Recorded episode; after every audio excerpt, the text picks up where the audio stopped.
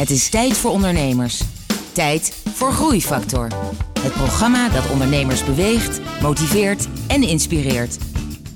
Hier is Kees de Jong, groeiondernemer en verbonden aan NL Groeit. Hoe je als studentje op je zolderkamer een internationaal succes creëert. Hoe een persbericht op het juiste moment een mediastorm kan veroorzaken. En wanneer je inziet dat je zelf wellicht de bottleneck van je bedrijf bent.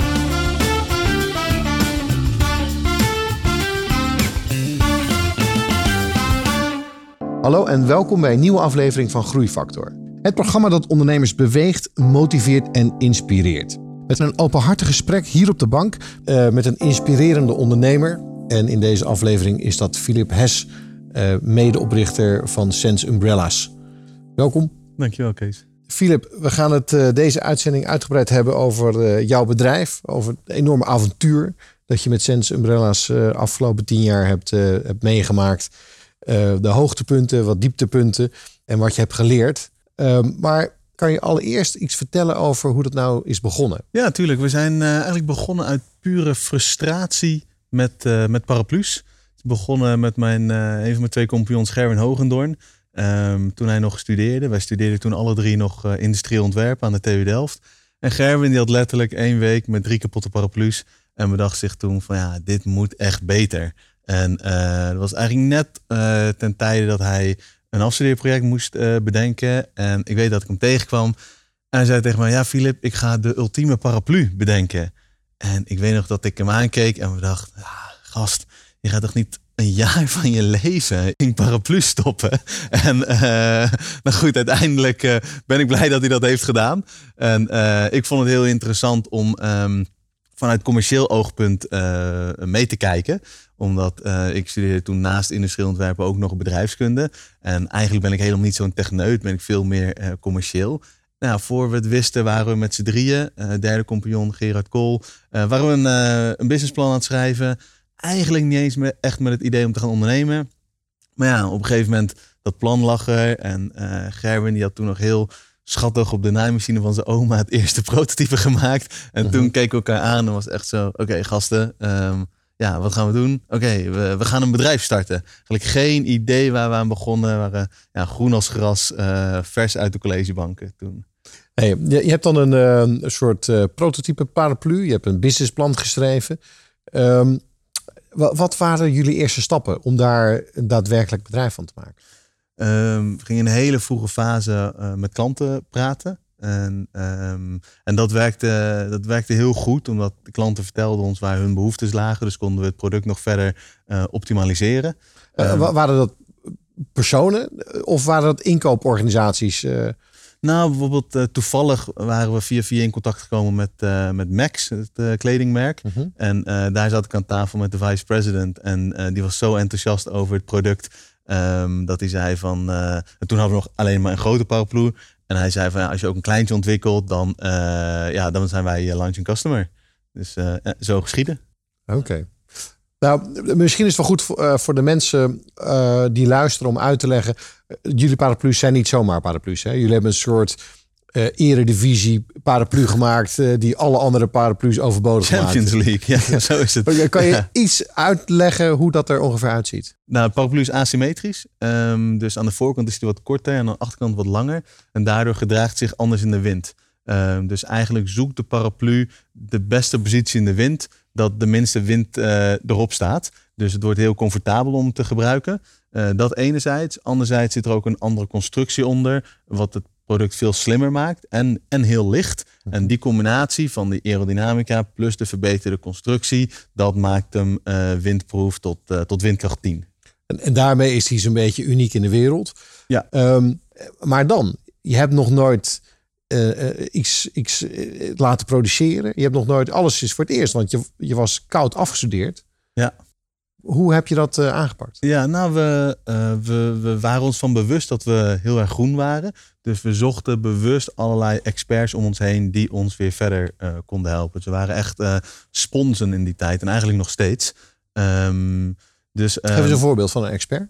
Um, nou ja, ik, ik, zelf nog steeds uh, zoek ik mensen actief op om bijvoorbeeld mee uit lunchen te nemen. Uh, mensen die mij inspireren, die ik interessant vind. Mhm. En waarvan ik denk van hé, hey, daar kan ik wat van leren. Um, zo ben ik uiteindelijk uh, een jaar lang gecoacht door Peers Winkels van Bavaria.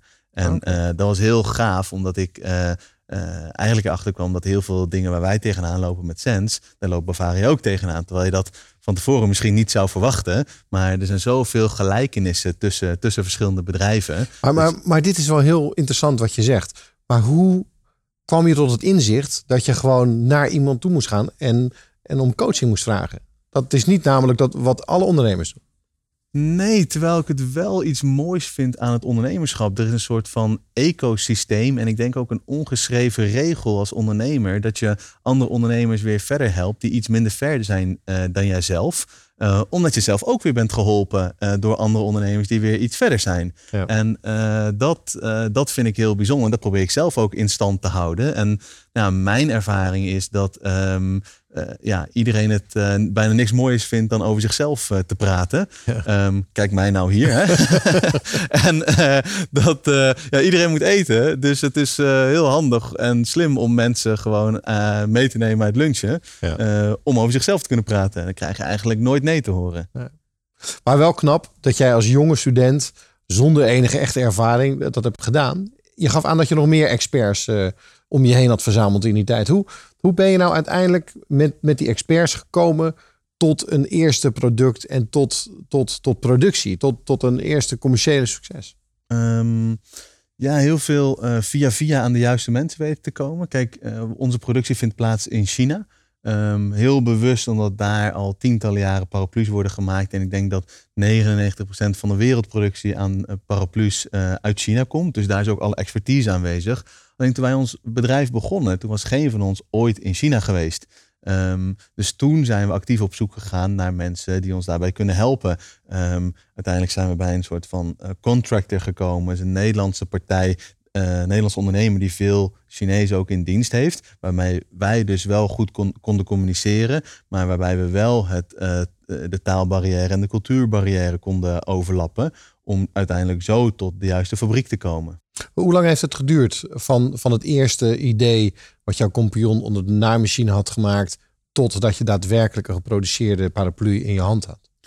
Nou, zijn afstudeerproject duurde ongeveer een jaar. En het resultaat van, van dat afstudeerproject was eigenlijk de ultieme paraplu, uh, die nog niet commercieel was. Uh, toen heeft het een jaar geduurd om die ultieme paraplu te, naar een commercieel model te brengen. Inclusief het opzetten van de productie in het Verre Oosten, vinden van investeerders en de marktintroductie. Ja, dus dat duurde, dat duurde twee jaar. Waar, waar aten jullie van in die tijd? Um, goeie vraag, weet ik niet eens meer. Joh. ja. Nee, ik weet dat er toen een, uh, via Yes Delft, uh, waar wij uh, kantoor hielden, was er een regeling met, met de TU Delft en de Rabobank. Dat we um, 1000 euro per maand konden, we, konden lenen. En de TU die betaalde dan de rente. En nou, ik woonde toen nog in een studentenhuis. Dus ja, daar kwam ik eigenlijk wel net mee rond en dat ging. Oké. En um dus uiteindelijk, je bent die periode doorgesappeld. Uiteindelijk hadden jullie die productie in orde. Maar dan vervolgens heb je verkoopkanalen nodig. Je hebt, ja, je hebt afzet nodig. Hè? De ja. eerste container komt in Rotterdam waarschijnlijk. En, en, en, en dan? Ja, nou, die gingen we zelf nog uh, uitladen. En, uh, ja, ja, ja. En dat was op, de, op die dag had ik ook een persbericht de deur uit gedaan. Uh, hadden we wel goed voorbereid van hey, in welke media zouden we willen verschijnen. En dat was jij deed een beetje de marketing. Ja, marketing, sales. Ja. Dus uh, we hadden eigenlijk de hagelschotmethode dat we een persbericht verstuurden naar heel veel verschillende media. En dat was op een dag dat het regende. Dus um, bewust gekozen. Maar dat was ook de dag dat die container aankwam. Dus wij waren nog uh, met z'n drieën die container aan het uitladen. En toen werd ik ineens gebeld uh, door Nova of we die avond in de show wilden komen. En uh, nou ja, ik had ze drie minuten aan de lijn, natuurlijk super enthousiast. En nou, na drie minuten hing ik op en ik keek op mijn telefoon en ik had 16 oproepen gemist. en uh, nou ja, toen ging het dus helemaal los. Want ja, we stonden ook op het ANP-netwerk, waar iedereen zijn nieuws vandaan haalt. En uh, uh, ja, toen kregen we een enorme storm aan media-aandacht. En, en, en, en je was met z'n drieën toen nog? Ja, klopt, ja. En je telefoon ontplofte? Ja. En, en dat was wel, denk ik, een heel fijn moment. Of was het een beetje paniek de dag daarna? Ja, natuurlijk. paniek van oké, hoe gaan we dit handelen? Ook wel heel gaaf van oh, blijkbaar zit de wereld op ons te wachten. En ja, we hadden een eerste batch van 10.000 stuks. En ja, die was na negen dagen uitverkocht.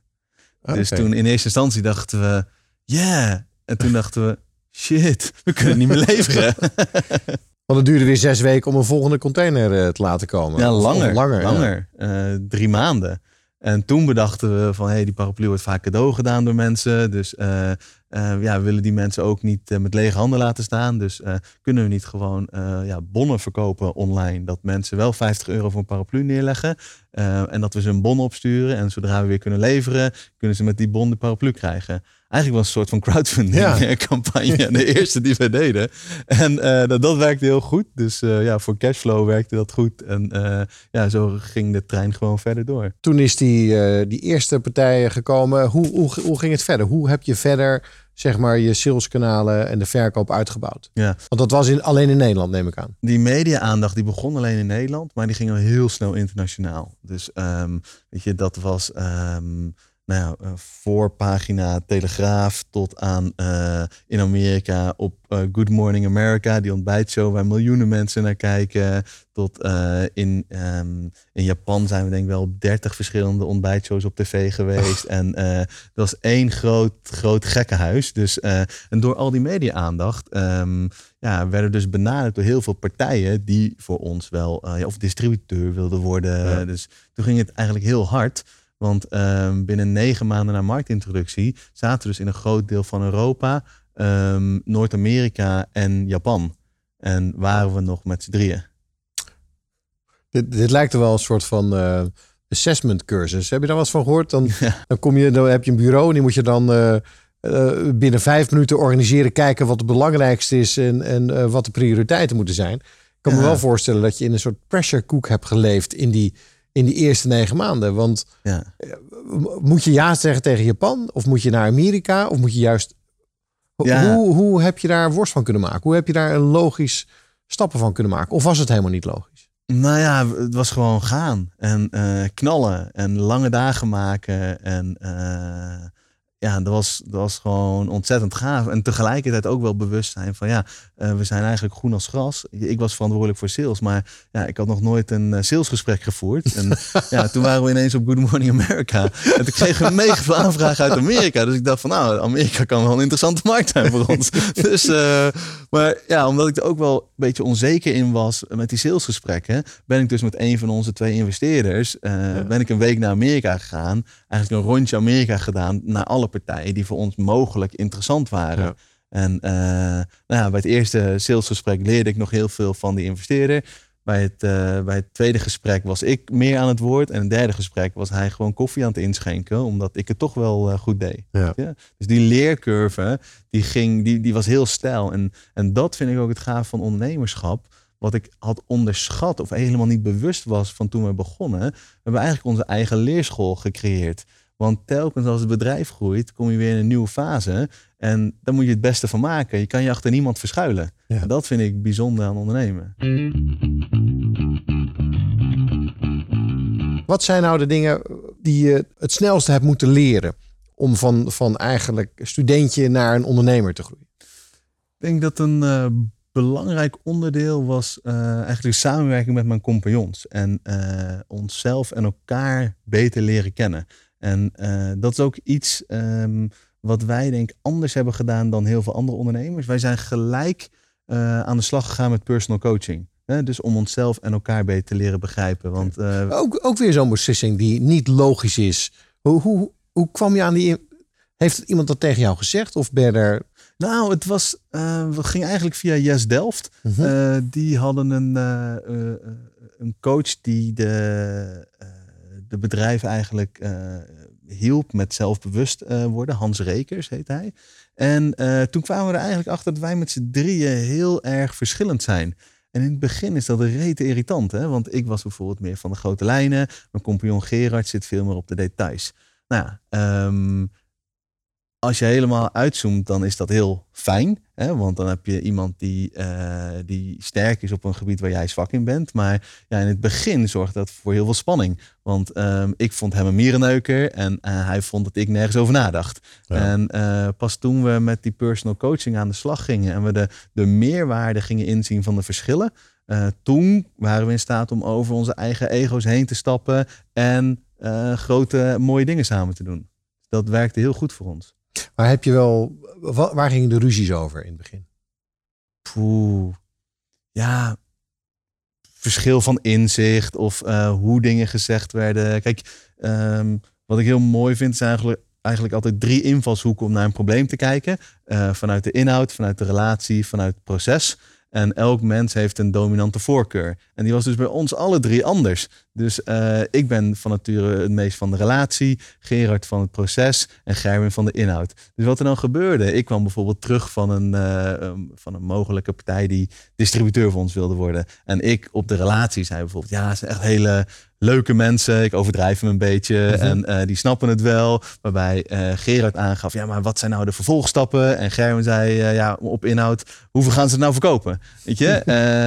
en nou ja, zo kwamen we er heel snel achter dat we heel anders dachten. en achteraf bleek dat heel waardevol te zijn. En, en jullie zijn nu nog steeds kampioens? Ja, klopt. Zitten alle drie er nog in. Nou, dat is, dat is wel heel, heel knap dat jullie dat zo uh, en Juist door die investeringen in het begin, ja. met name met die personal coaching.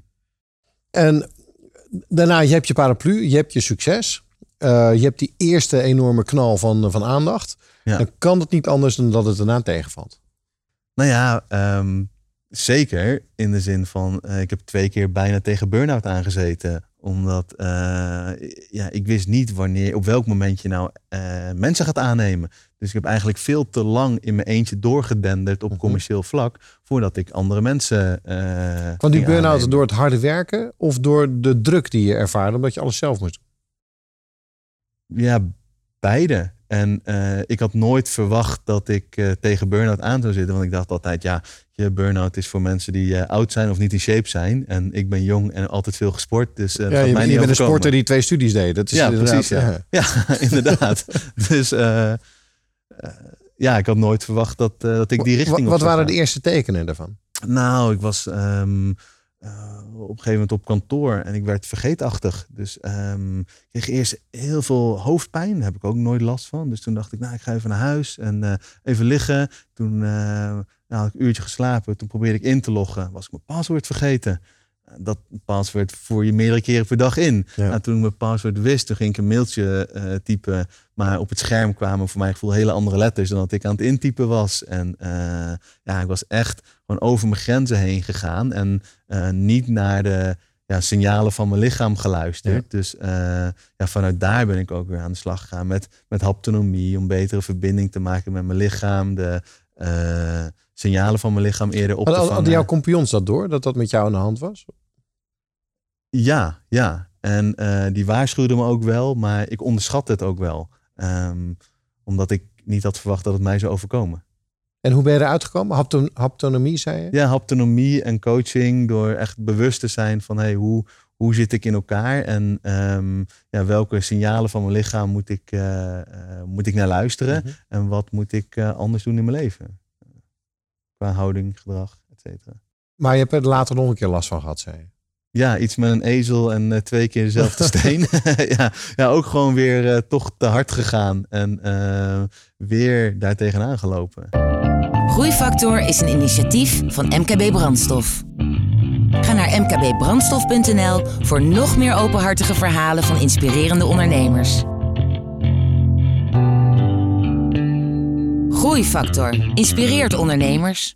Filip, uh, ik wil weer teruggaan uh, met die periode uh, dat jullie zo hard gingen groeien. Toen je gaf aan, ik, ik nam eigenlijk te laat mensen aan. En dat was een van de redenen waardoor ik eigenlijk te hard heb moeten werken in die tijd.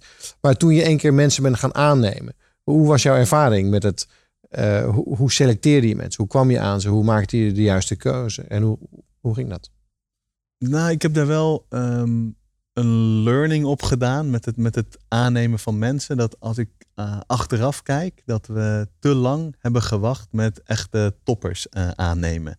En ik zit nu met Sens in een fase dat wij net een paar maanden geleden is een sales director begonnen. die eigenlijk mijn functie heeft, heeft overgenomen. Sinds een maand hebben we een managing director aan boord. Eigenlijk vanuit het idee, hey, wij als oprichters hebben het tot een bepaald niveau gebracht. En nu gaan we een nieuw spel spelen. En nu hebben we eigenlijk mensen nodig die al ervaring hebben met dat nieuwe spel wat we gaan spelen. Um, en als ik terugkijk, dan zijn we daar eigenlijk te laat mee, mee gestart. Had ik dat liever vijf jaar geleden gedaan. Want had je dan ook sneller gegroeid? Dat denk ik wel, ja zeker. Als je kijkt naar, de, naar de, waar het naartoe gaat met de organisatie en je eigen rol erin. Um, kan je voor mij een toekomstbeeld schetsen? Eh, laten we zeggen 2026. Eh, ja. Hoe ziet jouw organisatie en jou, hoe jij werkt binnen die organisatie er dan uit? Dan, uh, dan zullen wij meerdere regiokantoren hebben. Kijk, we hebben nu ons hoofdkantoor in Delft, waar we ook vandaan komen. Nou, dan zullen we ook een kantoor waarschijnlijk in New York hebben. Een kantoor in, in Azië, ik verwacht Hongkong. Van, van waar we dan de, de ja, Noord-Amerika en Zuid-Amerika besturen. En, en de Aziatische markt. En mijn rol die zal dan met name liggen op, op commercieel vlak. Om eigenlijk de, de verschillende ja, entiteiten op elkaar aan te laten uh, sluiten. En, en, en, en, voor de luisteraar, verkoop je dan tegen die tijd een miljoen paraplu's of 10 miljoen of, of 100 miljoen? Ik, ik weet eigenlijk niet zo groot hoe groot de wereldwijde paraplu-markt is. Uh. elk jaar worden 1,1 miljard paraplu's verkocht oh, in totaal. Ja, dus het is een mega grote markt waar wij wel een substantieel deel van zullen hebben. Um, maar naast paraplu's willen we ook, uh, of zullen we ook met andere producten komen. Okay. En de gedachte daarbij is dat ons merk zich gaat evalueren naar wat wij een commutermerk uh, noemen. Dus uh, vanuit gedachte een paraplu heb je nodig om van A naar B te gaan. En ja, welke producten passen nou nog meer op die dagelijkse reis? Die je ook in jezelfde distributiekanalen kunt verkopen. Okay. Dat je echt kan gaan hefbomen op wat je hebt gebouwd. En, en daar, die, die visie is helemaal uitontwikkeld? Ja. Oké. En, en wat is jouw rol daarin? Hoe, hoe, wat zijn jouw eerste stappen nu daarin? Dan ga je met andere designers werken? Ga je... Ja, um, dus er zijn nu meerdere uh, productontwikkelingstrajecten die lopen. Dus uh, voor introductie over twee jaar, over drie jaar, over vier jaar. Dus verschillende productgroepen waar vandaan ik meer met commercieel oogpunt uh, naar die trajecten kijk.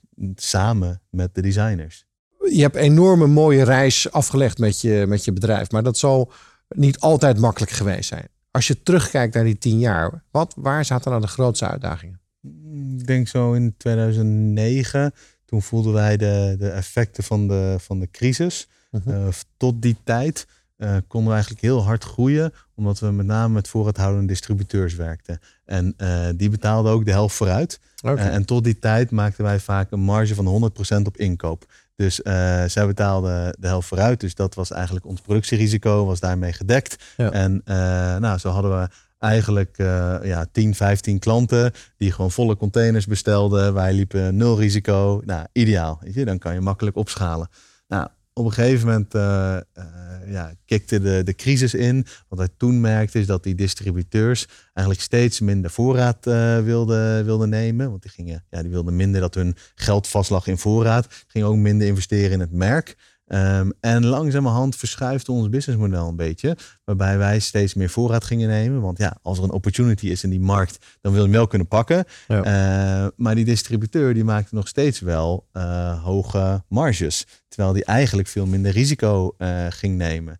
Nou, toen merkten wij dat wij ons businessmodel moesten gaan aanpakken en aanpassen. Uh, door eigenlijk afscheid te nemen van distributeurs en rechtstreeks naar bijvoorbeeld de retailers uh, te gaan. Waardoor ons hele businessmodel veranderde. Want ja, je hebt andere, met andere klanten te maken. Je moet veel meer voorraad gaan houden. Um, en je neemt de risico zelf eigenlijk dan. Want... Ja, ja, klopt. Ja, klopt. Eh, maar hoe, hoe ging dat? Want dat was ook voor jou een commerciële uitdaging. Je moest dan zelf naar de retail ketens toe om, om die deals met ze te sluiten. Ja, klopt ja. En in de landen waar we werkten met distributeurs uh, ging dat vrij makkelijk, omdat uh, ja, die retailers verkochten ons uh, al. En of ze het nou inkochten bij een distributeur bij ons, dan maakte niet zoveel uit. Um, dus ja, dat ging eigenlijk, eigenlijk heel geleidelijk. Maar ja, je merkt ook wel dat als je groeit als bedrijf, dat je op een gegeven moment altijd een cashprobleem uh, hebt. En achteraf gezien is dat iets waarvan ik zeg, hey, dat hadden we eerder moeten, moeten oplossen. We zijn eigenlijk te lang doorgegaan met organische groei. Ben je wel eens in de gevarenzone terechtgekomen? Dat je dacht van ja, oei, dit, dit kan, we, het kan wel eens imploderen, het bedrijf? Nee, dat eigenlijk niet. Nee. Uh, dus je, kon het, je kon het altijd oplossen, je cashprobleem. Ja, ik denk dat de kracht ook ligt dat wij als drie oprichters ja, zo complementair zijn. Dus dat er altijd eentje bij zit die de, de beren op de weg ziet uh-huh. uh, en we daarop acteren ook. En nu de stap naar hoe je dat hebt opgelost, of in ieder geval onlangs hebt opgelost, dat, dat was door middel van crowdfunding. Ja. Ik, we hoorden daar heel veel goede verhalen over. Het is natuurlijk al, hè, het is al niet nieuw meer. Um, hoe heb je dat ingestoken? Ja, we hebben een eh, crowdfunding campagne gedaan op uh, One Planet Crowd. En um, ik vond het zelf ook wel een spannende, want het is de ultieme test of de markt jouw bedrijf uh, valideert. Ook wel een beetje met de billen bloot, want ja, wat als, uh, als je je streefbedrag niet haalt? Uh, dat is ook wel pijnlijk natuurlijk. En wat bood je aan op die, met die crowdfunding? Het, is, het ging om een converteerbare lening met een rentepercentage tussen de 5 en 6 procent. Oké. Okay. Um, en, en je hebt het gehaald, denk ik? Ja, ja. Dus, uh, we ruimen, Hoeveel vroegen jullie? Um, een miljoen wilden we ophalen en dat is ook gelukt. Dus uh, iets over een miljoen uh, gegaan. Um, en daarmee konden we, konden we echt opschalen. Kijk, we hadden daarvoor een bepaalde best practice ontwikkeld met die shop-in-shops. Um, vervolgens met dat geld konden we de juiste mensen aannemen. Hè, dus die sales director die het, ja, alle contacten heeft met de buying directors van de grote warenhuizen waar wij willen groeien. Um, en ja, dan zijn al die domino-steentjes opgelijnd. Dus we hebben een best practice, en we hebben het netwerk en we hebben nu ook het geld uh, om door te kunnen pakken. En hè, ik zei net van, eigenlijk hadden we uh, dat geld veel eerder moeten ophalen.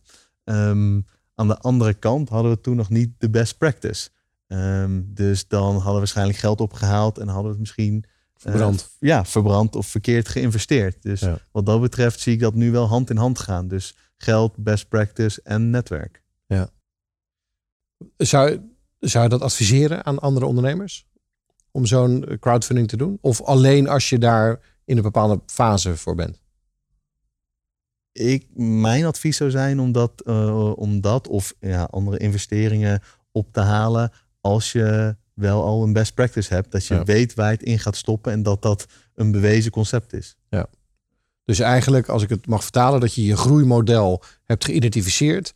En dat je dus precies weet op welke radertjes van het groeimodel je, je dat geld gaat inzetten. Uh, om, die, om die groei vervolgens uh, te gaan creëren. Ja, klopt. Ik heb ooit gehoord dat je altijd uh, ja, de helft van je marketinggeld weggooit. Alleen van tevoren weet je niet welke helft het is. Ja, dat wil je voorkomen. Heb, wat zijn jouw belangrijkste tips voor andere ondernemers? Ik denk dat het belangrijk is om jezelf te omringen uh, door mensen die beter zijn dan jezelf.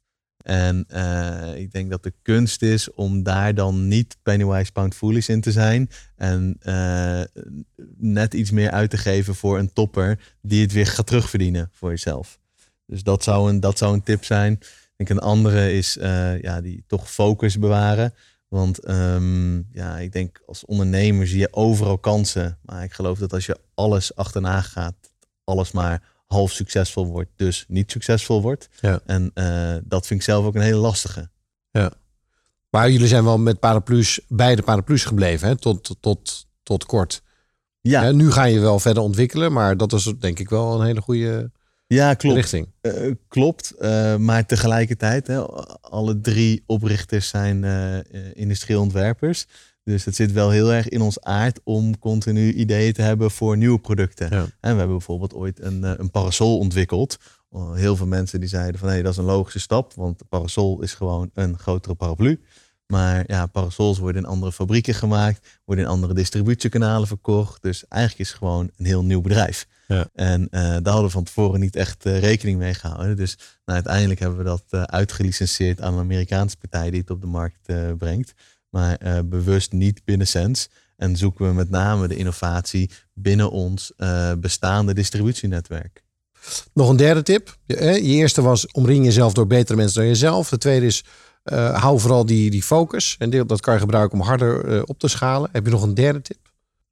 ik denk in de basis, doe dingen waar je, waar je goed in bent en waar je blij van wordt. Dus dat je echt als ondernemer ja, in, je, in je kracht staat. En, en waar werd jij dan met name blij van?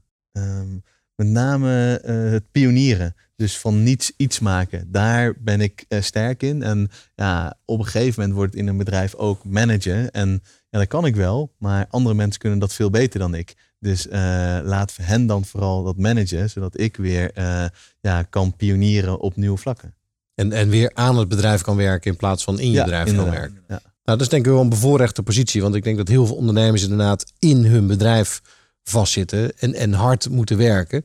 Dus het is een bevoorrechte positie dat je het zo hebt kunnen regelen dat je inderdaad uh, zeg maar op een hoger niveau weer hebt kunnen gaan werken. Ja, dat klopt. dat klopt. Tot slot, heb je nog laatste ervaringen die je kan delen? Nou, wat ik een, uh, een bijzonder moment vond en ook deels wel pijnlijk is toen we erachter kwamen dat wij als ondernemers de bottleneck van de groei van het bedrijf werden. Want ik zei net al, um, het is, je creëert met ondernemerschap je eigen leerschool. Als een bedrijf in een nieuwe fase komt, moet je daar weer het beste van maken. Maar dan heb je ook, omdat je dat nog nooit hebt meegemaakt. Um, tegelijkertijd kan dat ook te lang duren. En op een gegeven moment uh, keek ik door de bril als aandeelhouder naar mezelf. En bedacht ik, maar ja, het is voor het bedrijf eigenlijk veel beter als iemand anders mijn positie inneemt. Um, omdat het bedrijf dan veel sneller kan groeien dan dat ik me eerst de volgende fase ga eigen maken om vervolgens het bedrijf te laten groeien.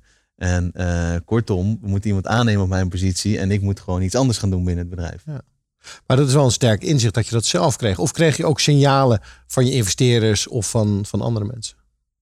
Nee, daar zijn we eigenlijk zelf uh, bij gekomen. Um, en wat ook wel meespeelde, is um, dat gaat vooraf aan ook een stuk frustratie. Want dan ben je bijvoorbeeld al te lang aan het buffelen om de volgende stap met je bedrijf te maken. Mhm. Maar ja, je maakt hem uh, maar niet. En uh, ja, dan kan het ertoe leiden dat je zelf de bottleneck bent voor de groei.